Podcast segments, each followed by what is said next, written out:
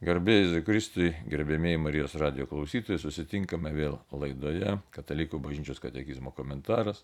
Per mikrofoną aš kuningas Arnas Valkauskas. Ir visi bendrai padėkojime Dievui už galimybę pažinti tikėjimą, gilintis į jį.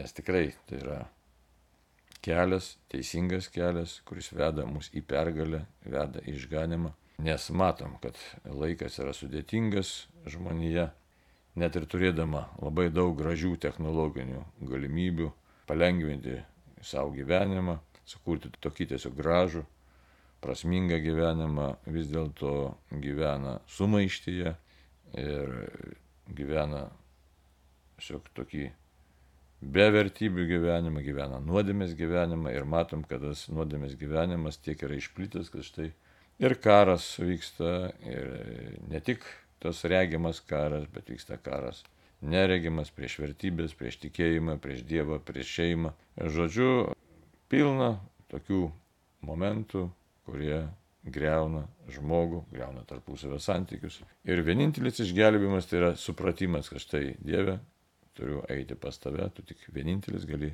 mane ir mus visus išgelbėti, išvesti iš mūsų užpolusios beprasmybės, nevilties, už mūsų iš tikrųjų kankinančio sumišimo, dar kitaip galima sakyti, tiesiog kankinančio piktosios dvasios veikimo. Taigi prieš kalbėdami katekizmo temus, pirmiausia paprašykim Dievo šventosios dvasios, kad ta šventoji dvasia vestų ir kad išvelgtume iš tikrųjų tai, ką Dievas nori pasakyti katekizmo puslapiuose ir ne tik, bet išvelgtume iš tikrųjų, atpažintume Dievo veikimą savo gyvenime, išvelgtume jį ir mokėtume pasirinkti tai, kas teisinga, kas mus veda Dievo valios vykdymo keliu.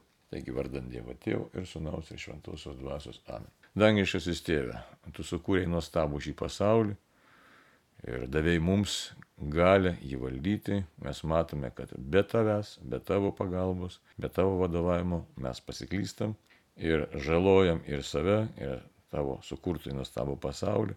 Taigi Dangiškasis tėvas siūs šventą dvasę į mūsų širdis, į mūsų protus, į mūsų gyvenimus, kad pažintume tave, tikrai Dievą, priimtume viešpatį Jėzų Kristų savo gelbėtoją, priimtume bažnyčios mokymą, besąlygiškai jį priimtume, jog laikytumės ir turėtume gyvenimo pilnatvę. Vienas trybė Dieve tau garbi ir šlovė dabar ir per amžius. Amen.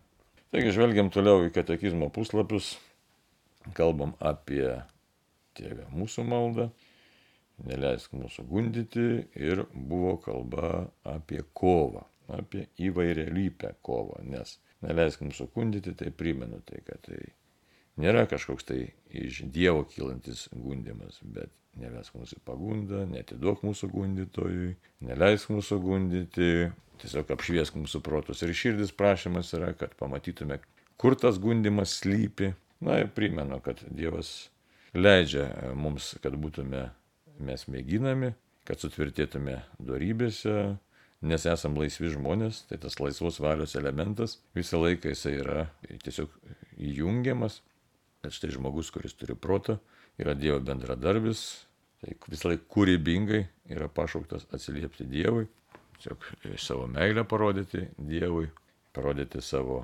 gyvenimo pasirinkimais. Ir to pasirinkimo mintis yra kokia pagrindinė. Mes kartais ją pametam. Pagrindinė mintis yra, kad Dieve, tavo valia, tu pats esi man pirmoji vieta. Nes mes dažnai norim įsipatoginti gyvenime, norime na, gražiai, laimingai, sočiai, komfortabiliai gyventi. Ir tas troškimas, jis aišku, jis yra geras, nes tai yra rojaus troškimas, tačiau tame troškime yra vienas labai rimtas trūkumas. Ta trūkumą visą laiką įvardina visi šventieji. Dievą reikia mylėti dėl paties Dievo, ne dėl to, ką Jisai duoda, ne dėl jo duodamų dovanų, ne dėl to, kad e, Dievas yra ten maloningas, kad Jisai čia leidžia mus e, pamatyti pasaulį labai gražų, ar ten pasibus labai gerai. Bet esmė yra ta, kad štai Jis yra absoliutus gėris ir jame telpa visi kiti gėriai. Taip kad neretai mes, siekdami savo laimės, nuklystame nuo to pagrindinio supratimo, kad Dievas yra absoliutus gėris ir man visų savo gyvenimu reikia siekti Dievo. Ir net tada, kai sakome, kad štai svarbiausia vykdyti Dievo valią, tai net ir čia nėra pats svarbiausias dalykas. Svarbiausias dalykas - santykis, absoliutus santykis su Dievu, kad štai Dieve noriu aš santykio su tavimi. O tavo valios vykdymas yra tai, kas tai yra. yra Neklusnumas Dievui, pripažinimas Dievo viršenybės. Tai yra tiesiog išraiška, kad aš sutinku Dievę su tavo valia, su tavo vedimu, su tuo, kad tu esi viešpats ir esi virš visko. Kitaip tariant, tai yra tiesiog laisvos valios e, pasirinkimas, apsisprendimas būti taip, kaip Dievas nori visose situacijose ir pasitikint Dievu. Todėl, kad Dievas yra aukščiausias gėris. Tai jeigu mes pasieksime savo širdis ir savo protus ir savo pasirinkimus, tai mes pamatysime, kaip toli neretai mes būname nuo šitos minties, kad štai Dieve tu esi aukščiausias gėris, aš turiu visų savo gyvenimų pasirinkti tave, tiesiog ieškoti tavęs, kaip sako psalmės, net 27 psalmė sako, reiškia. Dieve viešpatė tavo veido aš ieškau, neslėp nuo manęs savo veidą neleisk man nuo tavęs atsiskirti. Tai čia yra išreikšta pati esmė. Ir e, Jėzus Kristus ką padaro?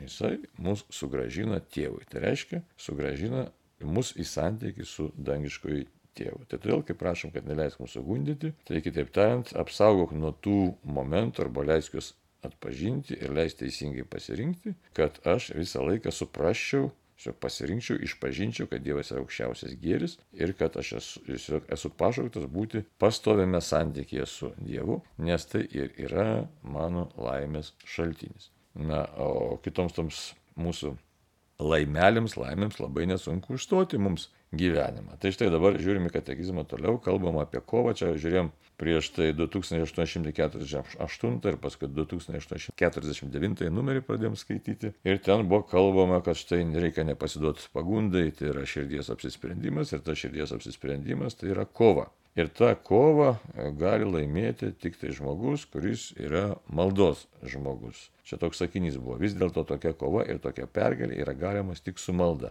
Dabar kodėl su malda? Todėl, kad malda tai yra santykis su Dievu. Ir priminsiu tik tai, kad štai viešpats Jėzus nugalėjo gundytoje nuo pat pradžių su malda. Ir ką dar katekizmas mums primena, kad štai savo malda, na, tiesiog toks, tokia čia ir frazė yra, savo malda Jėzus nugalėjo gundytoje nuo pat pradžių ir paskutinėje savo agonijos kovoje. Tai kai kalbam apie tą dykumą, kad štai Jėzus dykumoje nugalėjo gundytoją. Tai atrodo kaip ir aišku, nes ten kokios tos gundimas scenos, štai akmenį pavers duona, arba ten e, tauka visas karalystės atiduosiu, jeigu mane pagarbinsi, arba pulk nuo tos, nuo stogo tos šventyklos, nuo tos šelmens, tai tada jau tegul Dievas tave gelbė, jeigu tu jo pasitikė tokie įvairūs gundimai, kurie, na, labai būdingi, kad arba reikia tau duonos, arba reikia garbės, arba reikia saugumo, mums labai reikia saugumo. Ir šventas raštas mums štai kalba, kad tai Dievas yra tas, kuris mus saugo. Ir piktoji dvasia žino, kad mums reikia saugumo, nes mes nesaugiai jaučiamės, tai tiesiog piktoji dvasia to pasinaudodama neretai mus stumia į tam tikrą neteisingą laikysinę, kad štai provokuok Dievą, elgis kvailai, bet Dievas ne va tai turėtų tave saugoti. Tai e, viešpats Jėzus visas tas gundimo scenas demaskuoja ir jas visas nugali būtent todėl, kad jis pastoviai buvoja santykėje su viešpačiu, tai yra maldoje. Mums irgi tai yra pavyzdys ir įkvėpimas ir tiesiog ne, ne tik pavyzdys, bet ir nuorodo kelias, nes mes taip pat patiriam panašias pagundas ir kitas įk labai užmaskuotos tos pagundos būna. Labai sudėtinga atpažinti, kai siūlo mums arba duoną, arba siūlo garbę, arba siūlo saugumą. Ir saugumą mums siūlo įvairiais būdais, sakysim, su sveikata, kas susiję, labai jau mums aktualu, kas susiję su tiesioginė prasme su saugumu, su ilgamžiškumu, kas susiję, kas susiję su maitinimu, su žodžiu, daug tokių įvairių niuansų, kuriuose piktoji dvasia turi labai daug galimybių erdvių, kaip mus gundyti ir nugręžti nuo Dievo. Kad štai elkis taip ar taip, žiūrėk, ir tu būsi ten sveikas, laimingas ir gyvensi vos ne 200 metų, ten e, kokią nors metodiką panaudok. Žodžiu, daug įvairių tokių dalykų, kurie lyg atrodo nekalti, bet mintis kokia yra, kad savo jėgomis vien tik savo jėgomis, pamirždamas Dievą, panaudodamas kažkokias tai metodikas, ar ten sveikoliškumą, ar dar kažką, tai tu žiūrėk, susikursi savo gyvenimą. Ir čia klasta yra labai didelė. Dabar kame ta klasta, kad Nėra blogai sveikai gyventi, nėra blogai sveikai maitintis, nėra blogai kažkokius tai ten pratimus daryti. Bet blogis yra tame, kad žmogus ir patikė, kad štai vien tik tai savo jėgomis, vien tik tai savo jėgomis jisai susikurs savo tokią sveiką aplinką, e, kažkokį tai laimingą gyvenimą ir tai tęsis, tęsis ir tęsis. Tuo tarpu mes pirmiausia turėtume kreiptis maldą į viešpatį, būti gyvoje maldoje arba gyvam santykiai su Dievu ir visą laiką klausti vidumi, Dieve, kaip man buvoti su tavimi. Jeigu mes prisimintume paštalo Pauliaus kalbėjimą, tai aiškiai jisai kalba pirmą laiškę korintiečiams, kad tai siekite aukštesnių malonės dovanų. E, kokių tų dovanų? Įvairiausių ten ir pranašystės dovanos, ir kitų dovanų, ir gydymo ir taip toliau. Bet labiausiai, ko sako, tikėjimo, vilties, bet labiausiai meilės. Tai meilės dovana Dievui, meilės dovana žmogui, bet tai įmanoma tik tai pažįstant viešpati Dievą. Tai štai ta kova vyksta pastoviai, kaip jau minėjau, ir ypatingai ta kova už žmogaus tą mūsų tokį gerą buvimą, sveiką buvimą, saugų buvimą. Ir į kompromisą mes neretai papuolame, kad štai daryk kažkokį kompromisą su nuodėme, ir tau bus saugu, nes uždirbsi pinigų, pavyzdžiui, daryk kompromisą su niekdariais kokiais nors, kaip ir dabar.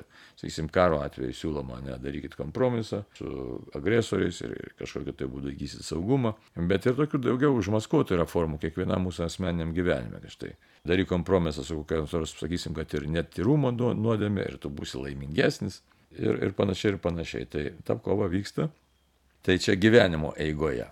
Ir vėlgi, kaip jau minėjau, nėra paprasta taip tą kovą atpažinti. Bet kitas dalykas dabar dar kalbama apie agoniją. Apie agoniją dabar gal, galim pagalvoti, kur čia ta tokia kova jau buvo viešpatės Jėzaus agonijos metu. Tai, na, agonijos metu tai miršti, miršti atrodytų žmogui, ne? Kas čia dabar, kur čia ta kova? Bet kalbant apie mirimą, tai mirimas nėra paprastas dalykas. Iš tikrųjų, tai pats baisiausias dalykas žmogaus gyvenime, kaip mes bemastytume dabar, kodėl pats baisiausias. Todėl, kad mirtis prieštarauja gyvybei iš esmės. Dievas mirties nesukūrė.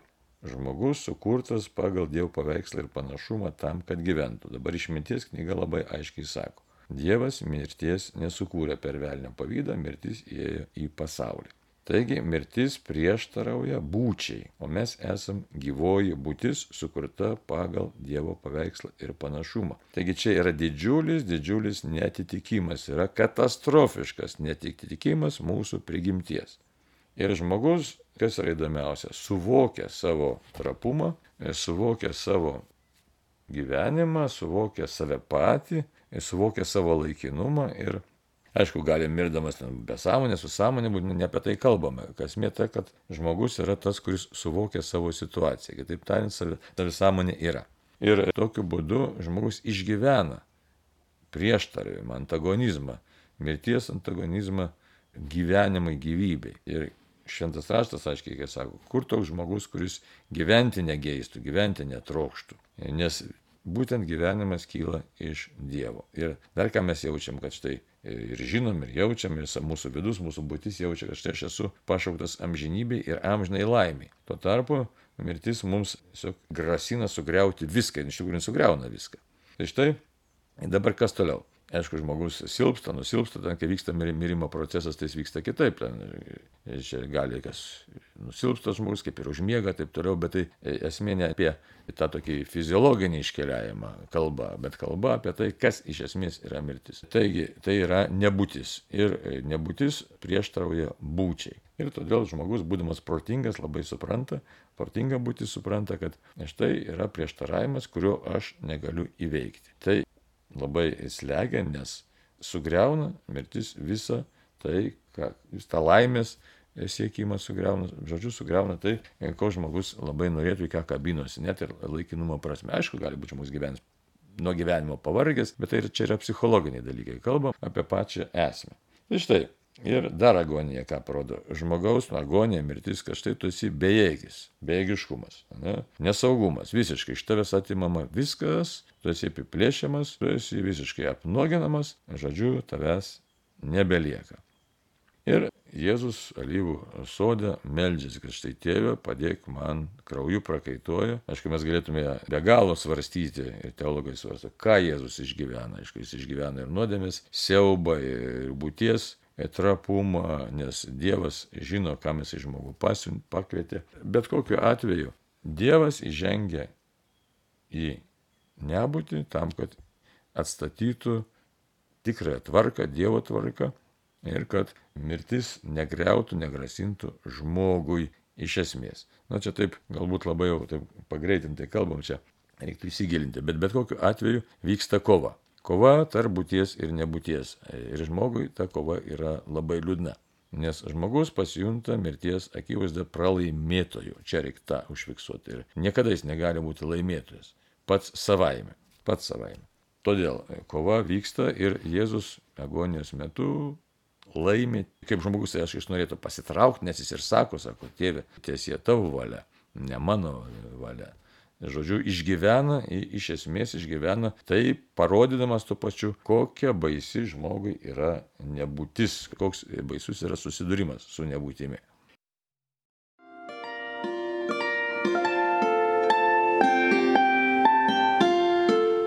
Jūs girdite Marijos radiją.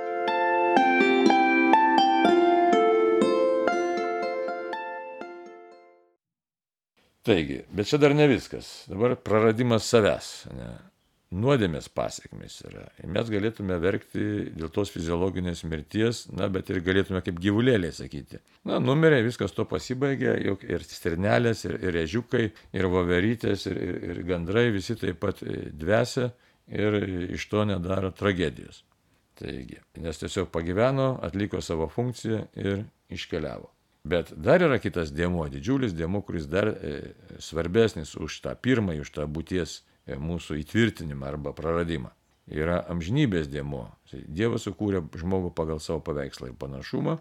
Ir jau mūsų yra tiesiog tragizmas, kad nuodėmė paveikia mus taip, kad štai mes galim fiziologiškai numirti, tačiau dvasiškai mes išliekame dvasinės būtis ir nuodėmė, kaip Jėzus sakė, gali sunaikinti, tiesiog atimti mūsų amžinai gyvenimą, jį pasmerkti. Mes išliekame amžini, bet amžinai nelaimingi. Štai Jėzus ką sakė, nebijokite tų, kurie žudo kūną, bet bijokite to, kuris gali įstumti jūs, aiškiai, pražyti jūsų kūną ir sielą pragare. Tai štai, čia dar didesnis tragizmas ir tikresnė kova už žmogų, kuris naikinamas nuodėmės gali prarasti absoliučiai viską, bet vėl, jeigu sakom prarasti viską, na jeigu nebūtų amžino gyvenimo siela, jeigu būtų mirtinga, tai vėlgi nebūtų tokios tragedijos, ar gerai gyvenau, ar blogai gyvenau, visų pabaiga vienoda, dorybingai gyvenau, ar nedorybingai. Na, tokiu atveju tada visiškai tas pats, arba netgi, kaip papaštalas Paulius sako, tai gal net labiau apsimokėtų gyventi tokį nedorą, bet kokį gyvenimą, nes vis tiek pabaiga visų būtų vienoda. Tuo tarpu žmogus sukurtas amžinybei ir ta pabaiga nebus vienoda. Tai čia dar didesnė tokia tragedija, kad žmogus, jeigu jis nesupranta, ką nuodėmė daro jo gyvenime, kaip jin paveikia tą gyvenimą, kad kaip jis praranda save, tai štai viešpačiui, žvelgiant į mus ypatingai, jis skaudu, nes kiekvienas mes sukurtas laimiai ir santykiu su Dievu. Ir jeigu mes to nesuprantam, nesuprantam, savo pašaukimo ir nesuprantam nuodėmės blogio, na tai mes tiesiog esam didžiulėje bėdoje, katastrofoje esam. Tai dabar kokia kova, reiškia, tai kaip jau minėjau, agonijos ta kova tai yra kokia, kad štai, pasižiūrėsime dabar ir šventąjį raštą, ir pasižiūrėsime į knygą Nematoma kova, dabar kokia kova, keliariopa kova. Tai yra baimės kova, ne? tai yra nevilties, na, tiesiog elementas kova, kad štai tu gali patekti į neviltį. Ir e, ką mums dar primena katekizmas, kad štai reikia būdėti, bet būdėti reikia širdimi. Dabar e, tas būdėjimas tai yra būtent saugojimas ko? Saugojimas savęs, savo gyvenimo kokybės saugojimas, savo santykio su Dievu saugojimas, saugantis nuodėmės, savo santykio su Dievu pastovus gaivinimas, palaikymas, savęs tiesiog nuolatinis grėžimas į Dievą.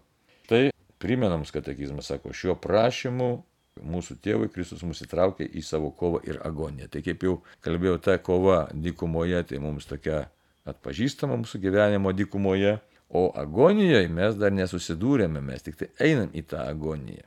Ir jeigu mes nebūsime pasiruošę savo tikėjimu, savo pažinimu, savo gyvenimo įpročiais rinktis Dievą, tai mes galim tą paskutinę kovą labai skaudžiai pralaimėti. Tai būtų iš tikrųjų didžiausia tragedija, kad štai gyvenau dar daugiau mažiau teisingai, bet jeigu pralaimiu paskutinę kovą, tai tada nu, mano gyvenimas iš viso jisai tiesiog visiškai praranda, viską praranda, aš prarandu, viską prarandu savo gyvenimo, tiesiog patį gyvenimą prarandu. Dabar pažiūrėkim, čia yra keletą nuorodų į šventąjį raštą, kurios kviečia, kad žmogus būdėtų savo širdimi. Tai yra Evangelija pagal Morku, 13 skyrius 9 eilutė, štai ką mums sako.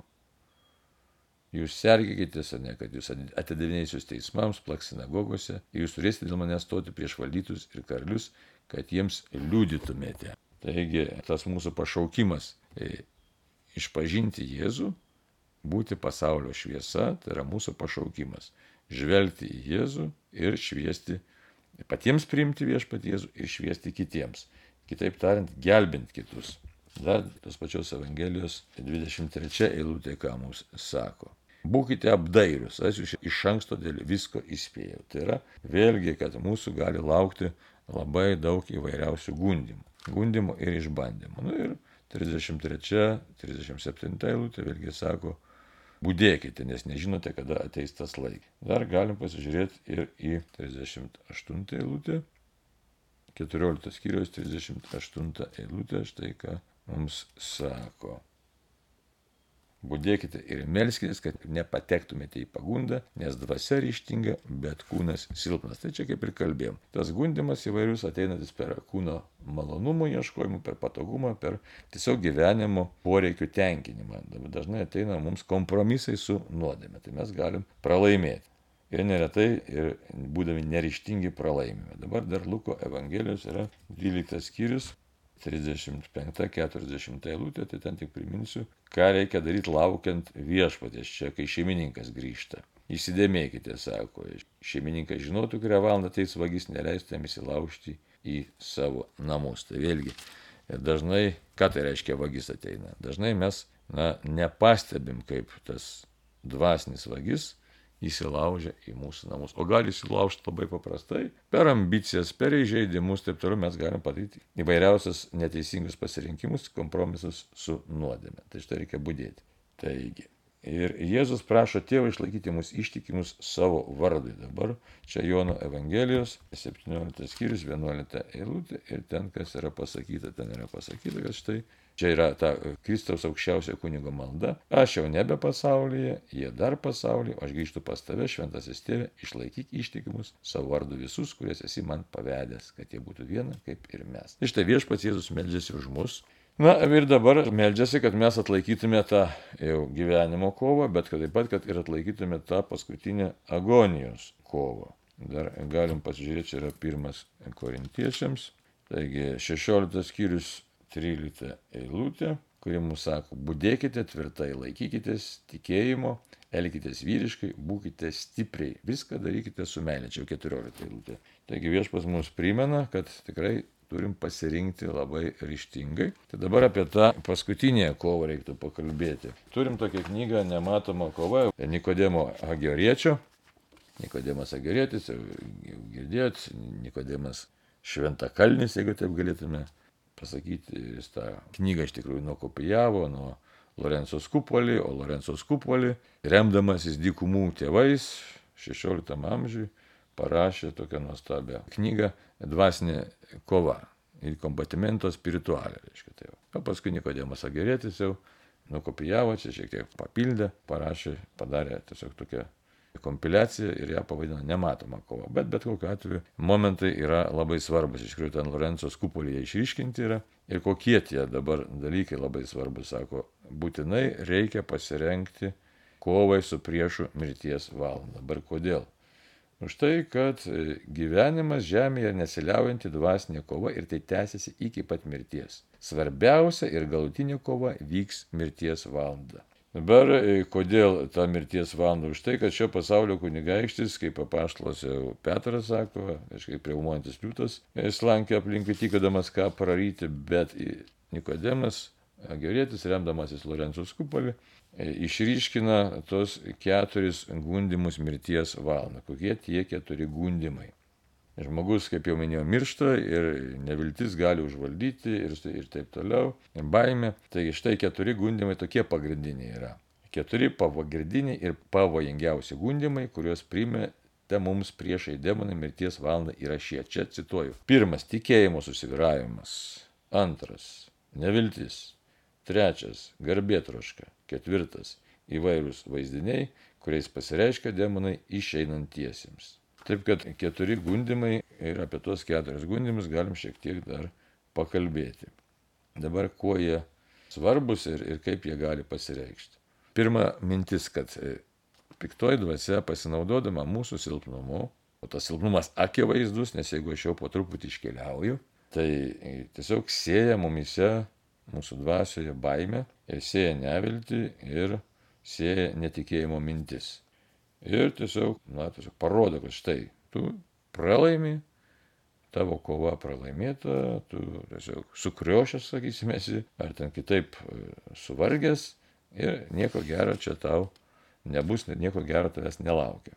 Ir tada tokiu atveju, jeigu žmogus neįpratęs maldoje atremti visų gundimų, nu, tai neviltis gali labai stipriai užvaldyti. O žinome, kad neviltis tai labai sunkus e, dalykas, Neviltis yra tas momentas, kai žmogus tiesiog gali prarasti šventosios dvasios veikimą. Viena iš net nuomonių yra, kad štai neviltis yra štai iš tų nuodėmių prieš šventą dvasę, bet čia nėra taip jau įvardinta, bet manoma. Tai ilgą laiką buvo tikrai manoma, kad štai neviltis yra ta nuodėmė prieš šventą dvasę, kuri nebus atleista. Bet, aišku, negali taip šimta procentų pasakyti. Tai. Taip, kad piktoji dvasia mums sieja vėlgi to, kokias mintis, kad štai mirties akivaizdoje galbūt nėra to amžino gyvenimo, ar jis netoks, ar Dievas tavęs nemyli, ar tu esi baisus nusidėlis ir niekas čia tau nepavyks. Nu, žodžiu, sieja panašius tokius įvairiausius dalykus ir žmogus pats savaime, na, jis tiesiog ne, negali rasti tvirtumo savyje. Mes žinom patys, kad štai kai nerimas užpuola, panikos atakos užpuola ir žmogus atrodo galėtų pasakyti, kad štai, nu, aš, aš tiesiog būsiu tvirtas, bet taip nesigauna, taip neišeina, nes, nu, kaip tu būsi tvirtas, kad tiesiog tas tvirtumas ateina ne iš mūsų, bet ateina iš Dievo. Toliau, gali susiviruoti tikėjimas. Kitas dalykas, kaip ta neviltis mūsų mirties valanda gali pasireiškti, kad štai gali nepriimti, nepatikėti, kad štai Jėzus numirė ant kryžiaus būtent už mane ir atpirko mane. Atpirko mane ir tikrai jis mane be galo myli, nes gali išsigąsti, kad štai Dievas yra teisingasis teisėjas, gali iškilti prieš akis mūsų buvusio gyvenimo visos klaidos, nuodėmės įdos ir artėjant mirties valandai na, gali tiesiog jau pasiduoti nevelčiai, kad štai Dievas mane baisingai nubaus ir manęs nepriims pas save.